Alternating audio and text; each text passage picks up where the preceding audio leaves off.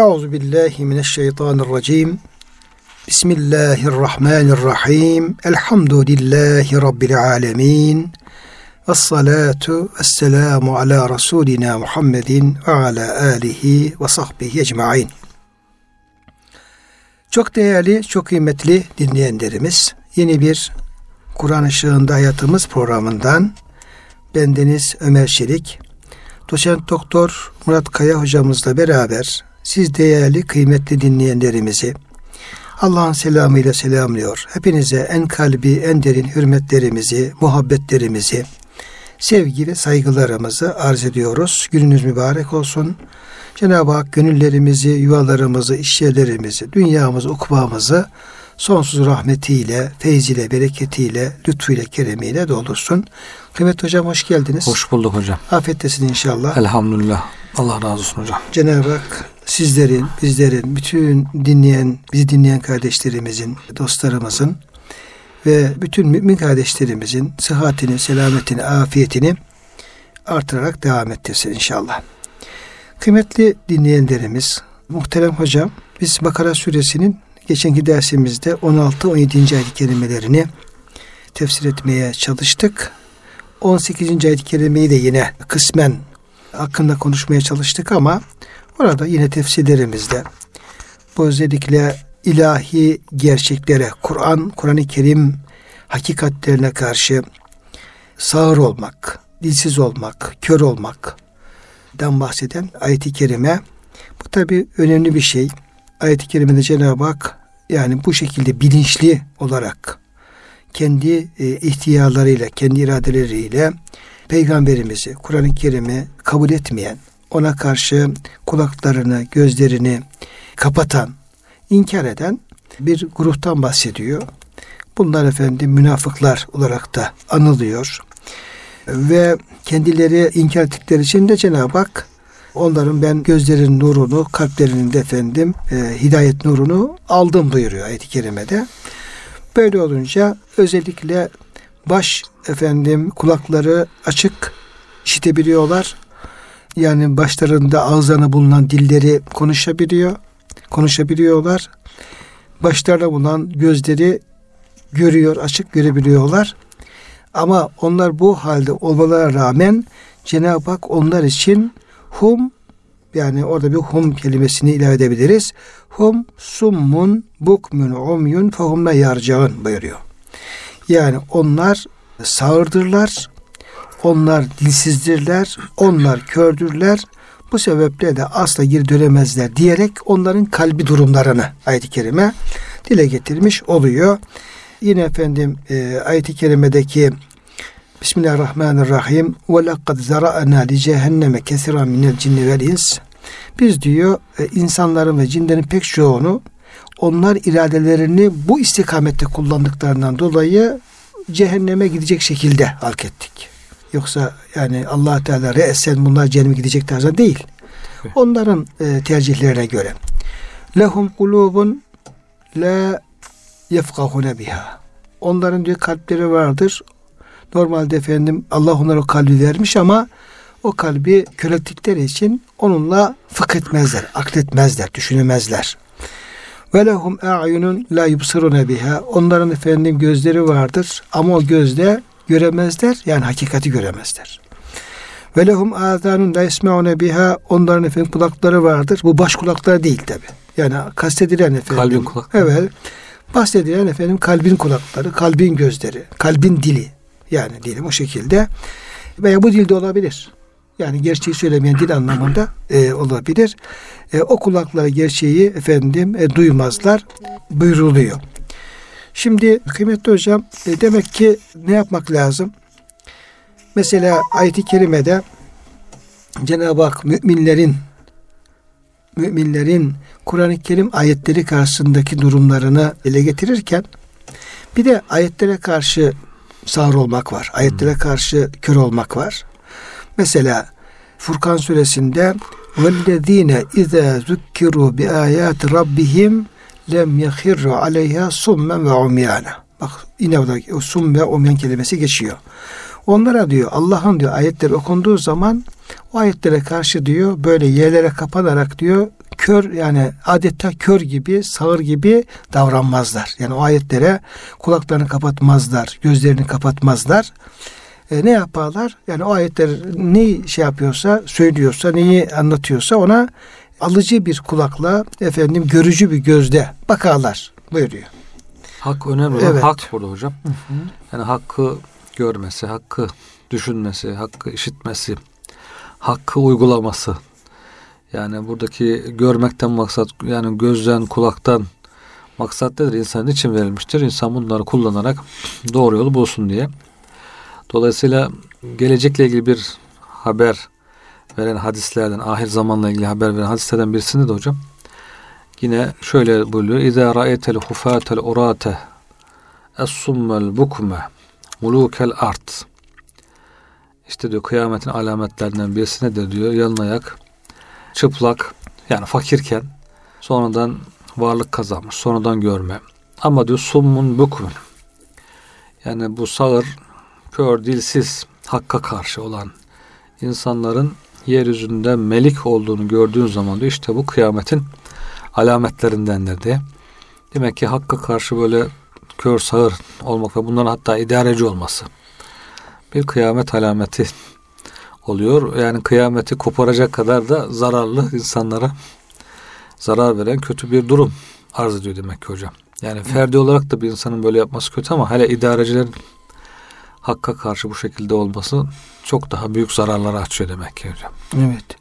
Şimdi hocam yine ayetin sonunda fehumle yarciun diyor ya Evet hocam. onlar dönemezler diye. Hı. E, buradaki yani fehumle yarciune ilel e, ilel hak, ilel hidayet. Hı hı. Yani onlar e, bu halleriyle yani hakkı kabul etmeye dönüş yapamazlar. Yani yanlış bir yola girmişler. Evet. Yani bunlar manevi körlüğü, sağırlığı, dilsizliği tercih etmişler. O yolda ilerliyorlar ve o yoldan dönme niyetleri de yok. Evet. Yani böyle giderlerse onların tekrar bir geri dönüş yapmaları mümkün olmayabilir. Ama ne yapıyor Cenab-ı Hak hocam ayet-i kerimelerde hep sürekli bizleri kendisine dönmeye davet ediyor. Evet. Yani mesela Araf suresi 174 ayet-i kerimede buyuruyor ki işte biz diyor ayetleri böyle açıklıyoruz artık herhalde onlar da doğru yola gelirler. Leallehum yarcan. Dönerler. Evet.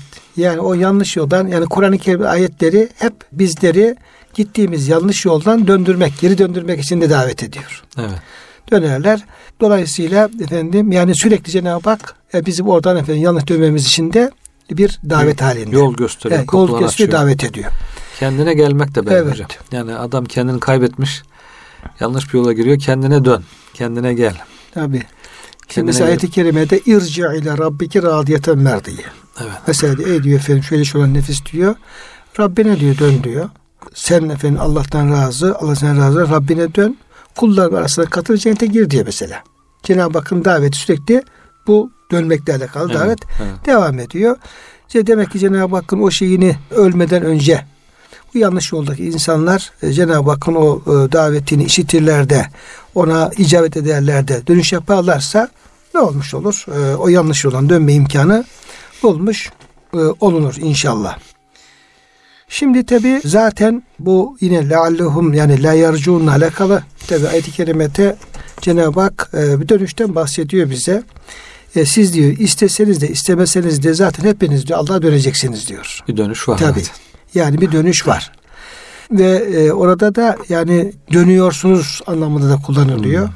Mesela inna lillahi ve inna ileyhi raciun. Biz efendim Allah içiniz yani Allah'tan geldik. Bizi Allah yarattı. Ve Allah'a da döneceğiz anlamında verebiliriz. Dönüyoruz anlamında verebiliriz. Yola çıktık zaten hocam. Tabi tabi tabi. Yani şu dünya an gelince evet, insan evet, dünya gelince kadar geliyor. tabi. Dünya geldikten sonra dönüş yoluna Dönüş yoluna giriyor. Evet. Yani oluyor. dünya aslında doğuncaya kadar biz efendim belki geliş diyebiliriz ona biz. Evet. Doğar doğmaz artık dönüş yoluna geçmiş oluyoruz. Evet.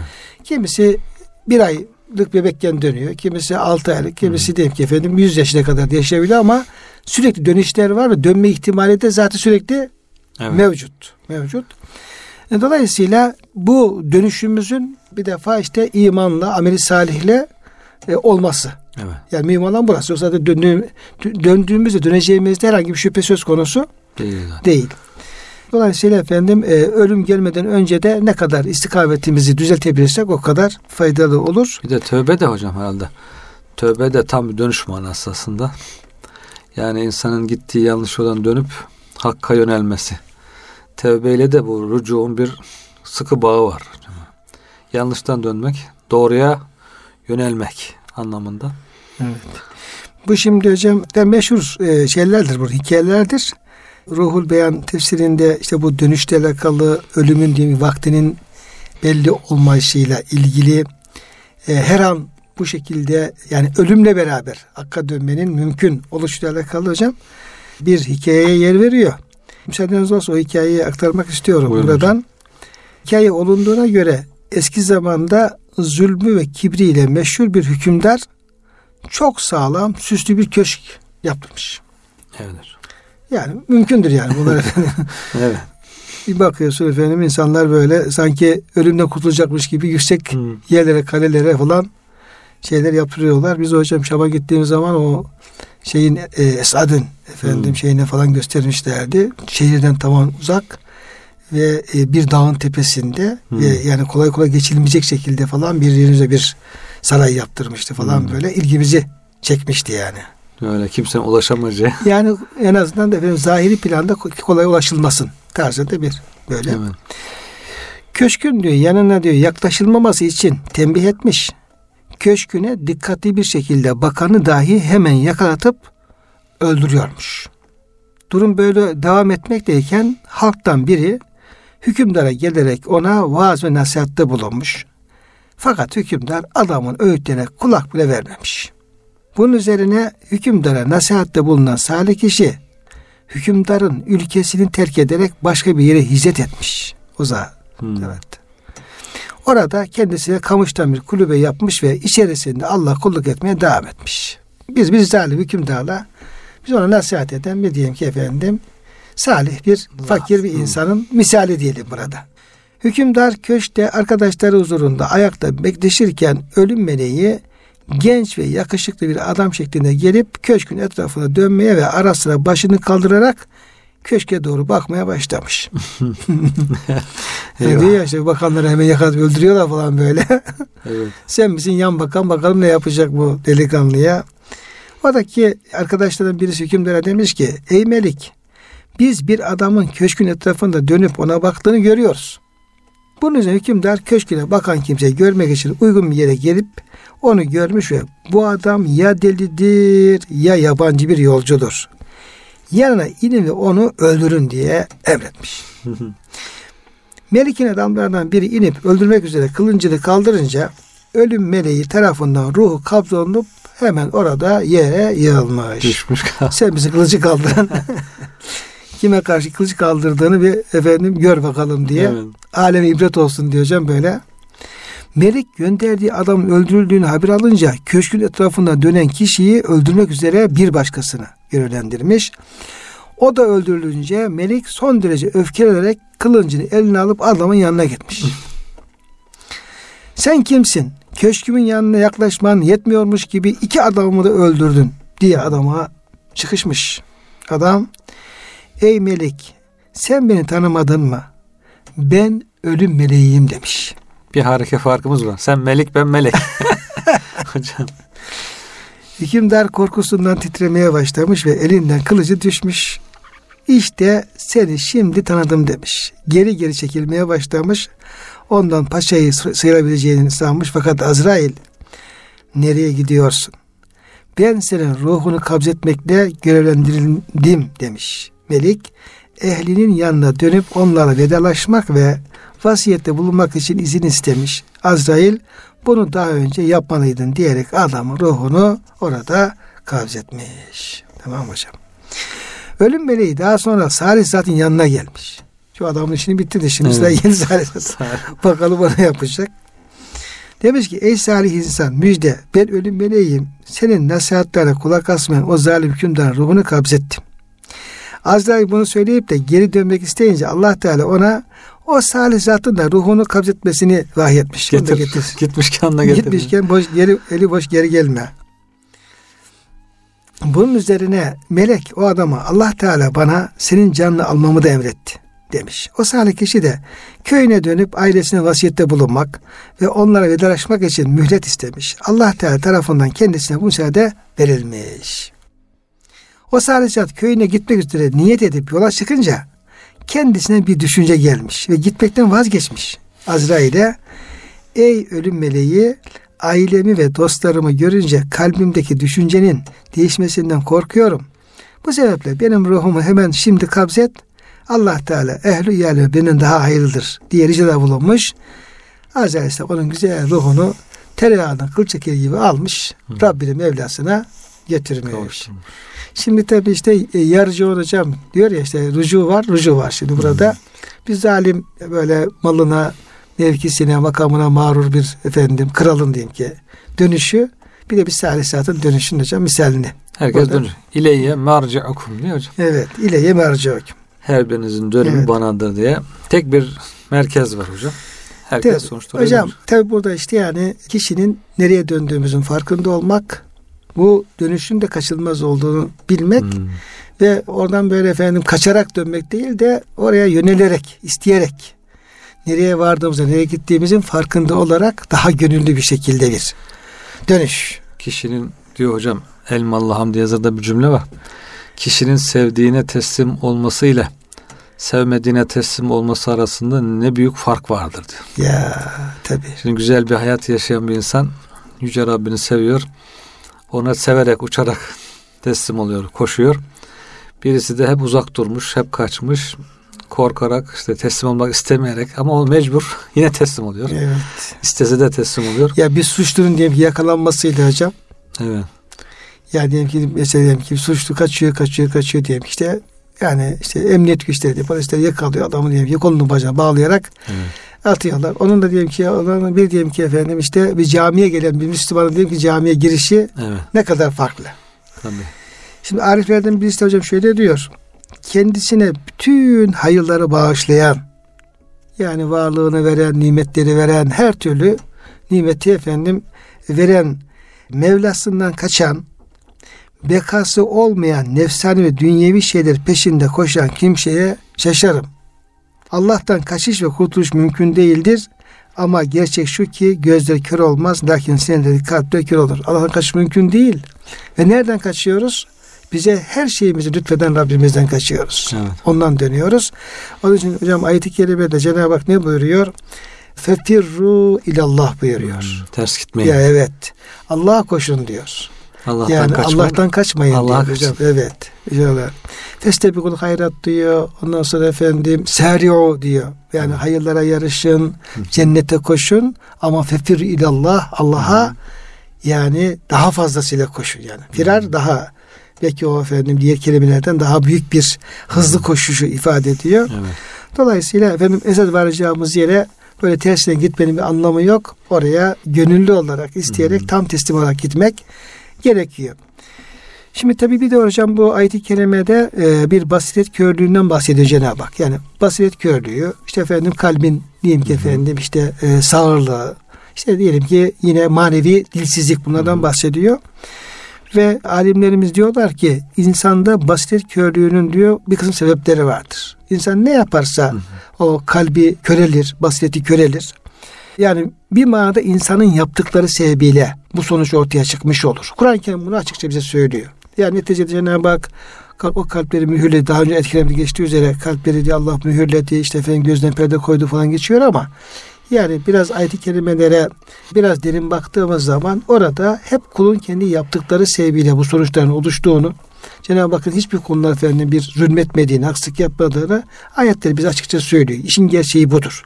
Yani mutlaka iş içerisinde kulun kendi tercihi ama yanlış tercihi, iradesi ama yanlış iradesi veya bilerek işlediği büyük günahlar, suçlar söz konusudur. Yani son karar merci Cenab-ı Hak olduğu için hocam bir de yaratma. Yani kul istiyor, ısrar ediyor. Cenab-ı Hak onu uyarıyor, ikaz ediyor ve en sonunda artık onun isteğini kabul ediyor. Dolayısıyla Cenab-ı Hak kendine izafe ediyor onun için bütün ve yaratma da ona ait olduğu için. Tabi yaratma ona ait. Yani dolayısıyla Allah onların kalbini mühürledi. Allah onların gözüne perde çekti. Halbuki o kendi perdeyi insan çekmek istiyor. Yara o perdeyi gözde yaratma işte en son Cenab-ı Hakk'ın gerçekleştirdiği için. Evet. Şimdi hocam nedir peki? Üç tane sebep. Yani çok sebepleri vardır ama burada üç tanesini Hı. dile e, evet. getirmişler. Bedeni Allah Teala'ya isyan sayılabilecek işlerde kullanmak. Yani diyelim ki gözümüzü, kulağımızı, elimizi, ayağımızı Allah Teala bu emaneti bize, bu bedeni bize, bu azalarımızı bize her uzvumuzu, her azamızı yaratılış hikmetine uygun olarak kullanmak üzere verdi. Esas efendim vazifemiz bu. Şükür bu demek. Hocam evet. şükrün efendim, bir tarifi de Allah'ın verdiği her nimeti yaratılış hikmetine uygun kullanmaktır. Kullanmak, evet. Yani gözü, kulağı, kalbi, diğer efendim eli ayağı bütün nimetlerimiz böyle. Ama Cenab-ı Hakk'ın bize kendisine kulluk için vermiş olduğu bu bedenimizi, bu efendim azalarımızı, bu efendim paha biçilmez bu nimetleri eğer Allah'a isyan sevilecek işlerde kullanırsak ne olur? Ya bu işte hocam tabii neticede basiret görülecektir yani. Buna dikkat etmek lazım. İki, Allah'a taatte yapmacık davranmak. Yani samimi olmamak, dürüst olmamak. Yani böyle yani işte münafıkların yaptığı şey bu. Evet. Halbuki bir kul yani dürüst olacaksa birinci derecede Rabbine karşı dürüst olması lazım. Çünkü onun efendim hiçbir şey ondan gizlemek mümkün değil. Yani gönlümüzdeki duyguları bile gizlemek mümkün değil. Her şey. Cenab-ı Hak bize bir şey emrettiği zaman diyor ki Allah ya tubdun ama tektumun. Allah diyor size efendim sizin açıkça yaptığınızı söylediklerinizi Allah bildiği gibi gizlediklerinizi de biliyor.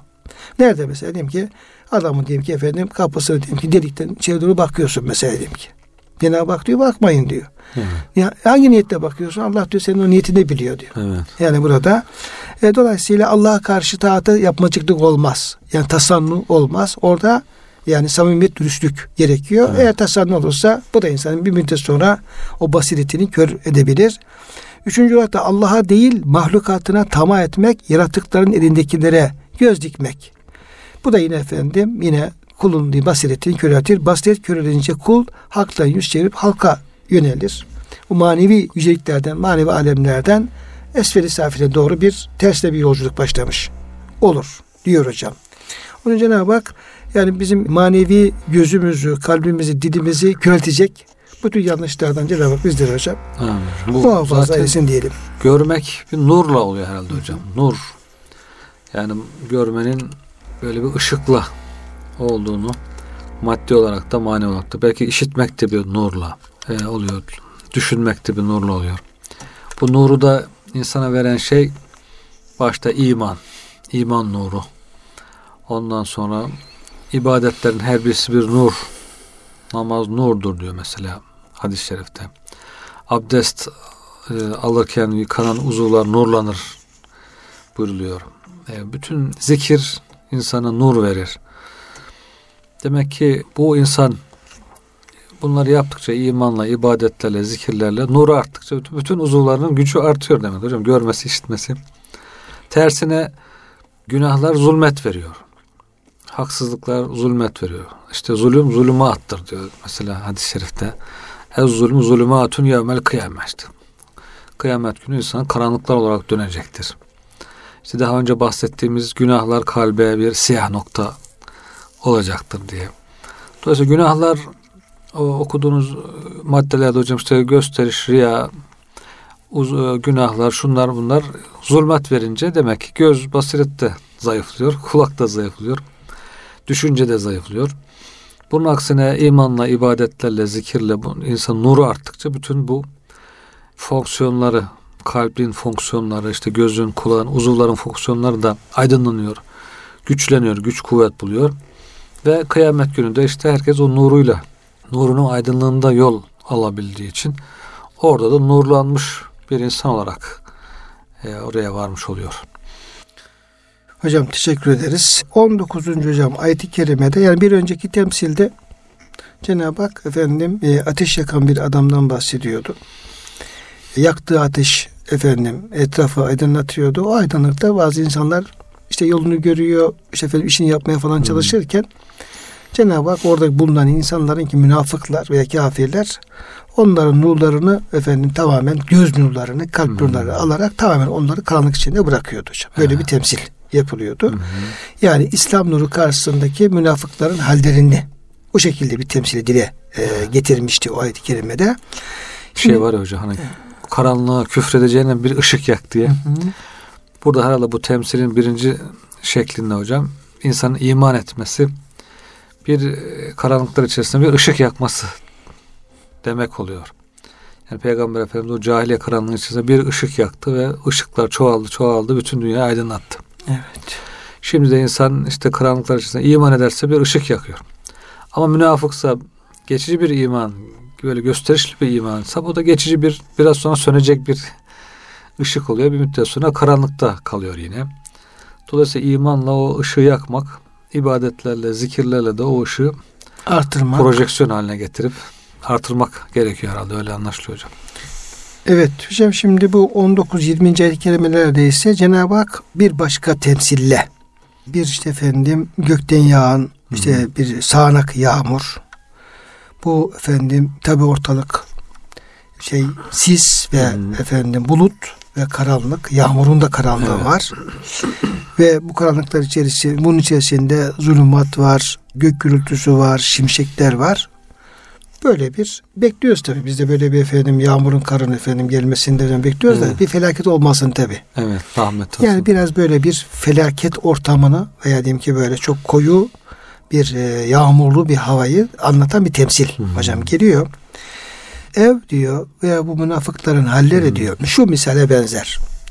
Kesayı bir bir efendim gökten sağanak halinde boşanan bir yağmur. Hı hı fihi zulümatun ve, ba, ve ra'dun ve bark ve bu yağmurla beraber orada çok yoğun bir yağmur yağıyor. Diyeyim ki sisle, bulutlar neyse bunun içerisinde de yoğun karanlıklar, gök gürültüsü ve efendim yıldırımlar veya efendim şimşeklerde söz konusu.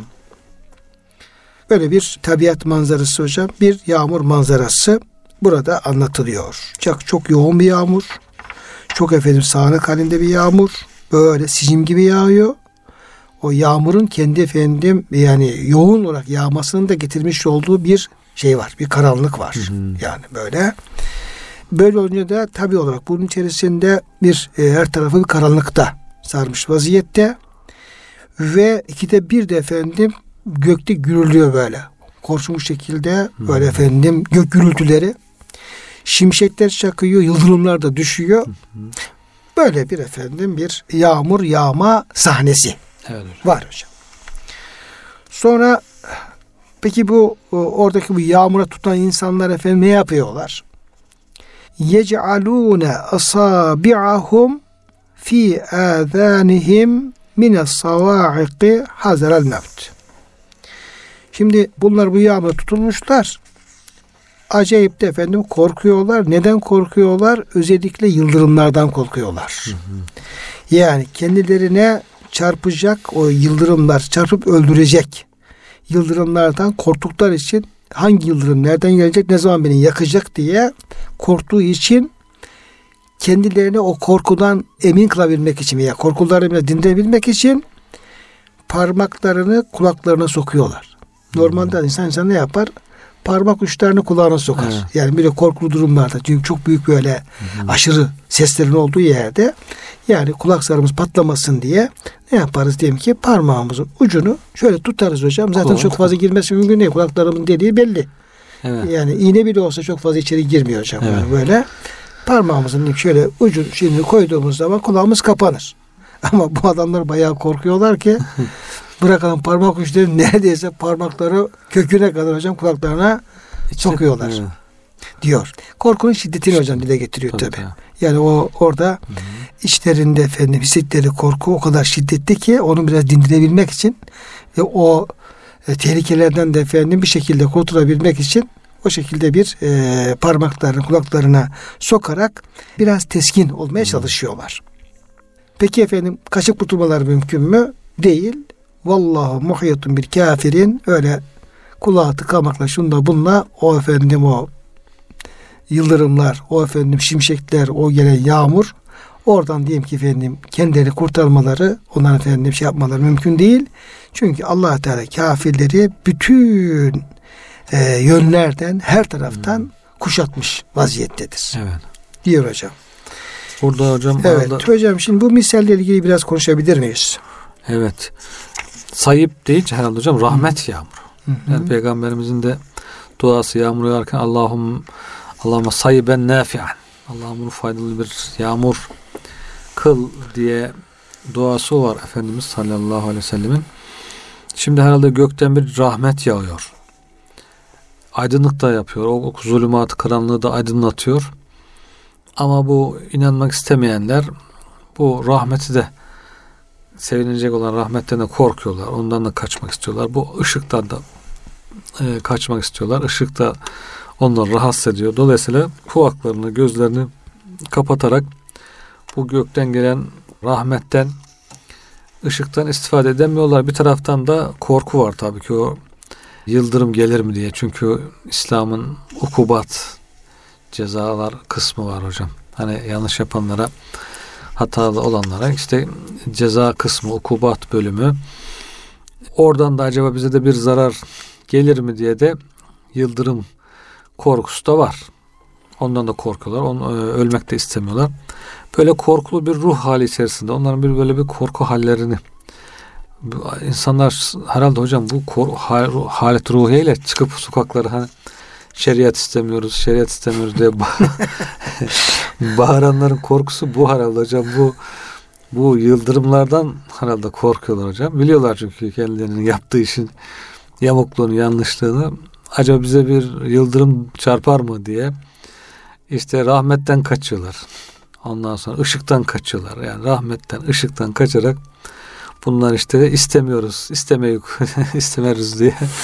Hocam herhalde bu ayette anlatılan ruh hali, korku hali onları sarmış durumda. Yani böyle karanlık, yağmur, O zaman yağış. hocam bu şey yani buradaki gelen yağmur bunun içinde bulunan efendim işte efendim zulümat, karanlıklar, gök gürültüsü, şimşek efendim şeyler burada bir İslam'ın şey mi var hocam? İslam'ın yani bir bakış e, açısında e, hocam yani İslam'ın geldiği ortam karanlıkları hı. aydınlatmak için geliyor. Karanlığı hı. aydınlatıyor. Oraya rahmet indiriyor.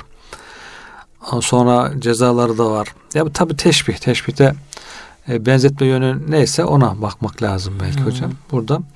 Dolayısıyla bir, bir bakış açısıyla böyle bir e, benzetme yapılabiliyor hocam. Evet.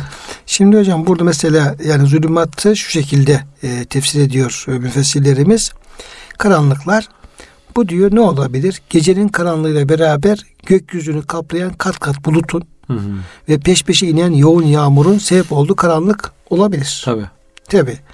E, ayette gece karanlığının söz konusu edildiğine dair bir işareti yoktur. Fakat ayetin siyakından bunu çıkarmak mümkündür. Çünkü Allah Teala yani bir devam eden ayet-i kerimede şimdi gelecek hocam. Evet. O esnada şimşek sanki gözlerini çıkaracakmış gibi çakar.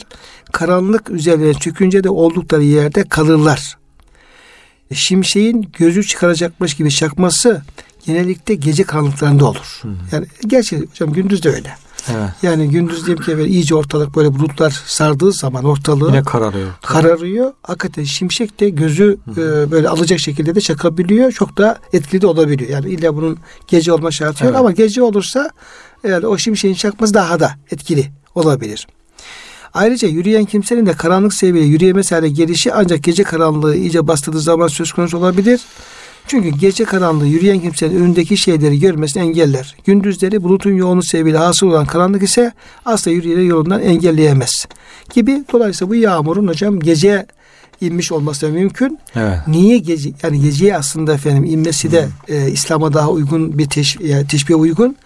Çünkü cahiliye karanlığı hocam. Evet o karanlığa iniyor. Tabi tabi yani bu bu yağmur e, bu yağmur diyelim ki efendim İslam'sa Hı-hı. Gelen diyelim ki efendim yağan yağmur diyelim ki Kur'an-ı Kerim ayetleri ise hocam. Hı-hı. Bu gelen efendim bu yağmurun efendim yani işte karanlığa geceye benzeyen cahiliye ortamında yağmış olması, inmiş olması daha uygun. Diyelim ki oradaki işte efendim gök gürültüleri mesela e, bu diyor rahat diyor buluttan duyulan şiddetli ses gök gürültüsü. Berk ise bulut parçalarının birbirine çarptığı anda buluttan parlayan ışık şimşek evet. anlamına hocam geliyor. Belki buradaki şey de yani gök gürültüleri de hocam tabi Kur'an-ı Kerim'in sadası, ayetlerin sadası. İslam'ın evet. istekleri, emirleri, emek emirleri, e, inzarlar hocam. Tabi tabi. İnzarlar var, uyarılar Uyarılar var. Şöyle yapmazsanız böyle olur diye. Evet. Uyarılar var. İşte kafirlere karşı eşit dev alel küffar diyor mesela. Hı hı. Müslümanlar diyor kafirlere karşı şiddetlidirler diyor. İşte kafirler eğer anlaşma yapmazsa sözüne durmazsa onlarla savaşın. Vavruz aleyhim onlara sert davranın diye. Bunlar hepsi hocam bir şimşek gibi bir çakıyor tabii ki. Gök gürültüsü gibi. Korkutuyor. Yankı yan korkutuyor, korkutuyor yani. Hazar al evet eyvah diyorlar bu Müslümanlar barbarlar diye artık korkudan bize ne yapacaklar acaba diye. Ee, onlar çünkü kendileri öyle oldukları için zulmettikleri için hocam bunun karşılığından da korkuyorlar tabii ki. Bize evet. de yapılır mı diye. Bunlar bütün hepsi hani benzetme olarak buna benzetilebilir hocam ya. Yani demek ki bu yağmur hı hı. ve efendim yani İslam ya da Kur'an-ı Kerim Kur'an-ı Kerim'in getirdiği efendim hükümler, ahkamlar. Evet, evet hocam. Bunlar tabi müminler için bir rahmet ve hidayet ve öğütken buna inanmayan insanlar için, kaçan insanlar için bunların hepsi bir korku evet. E, vesilesi olmuş oluyor.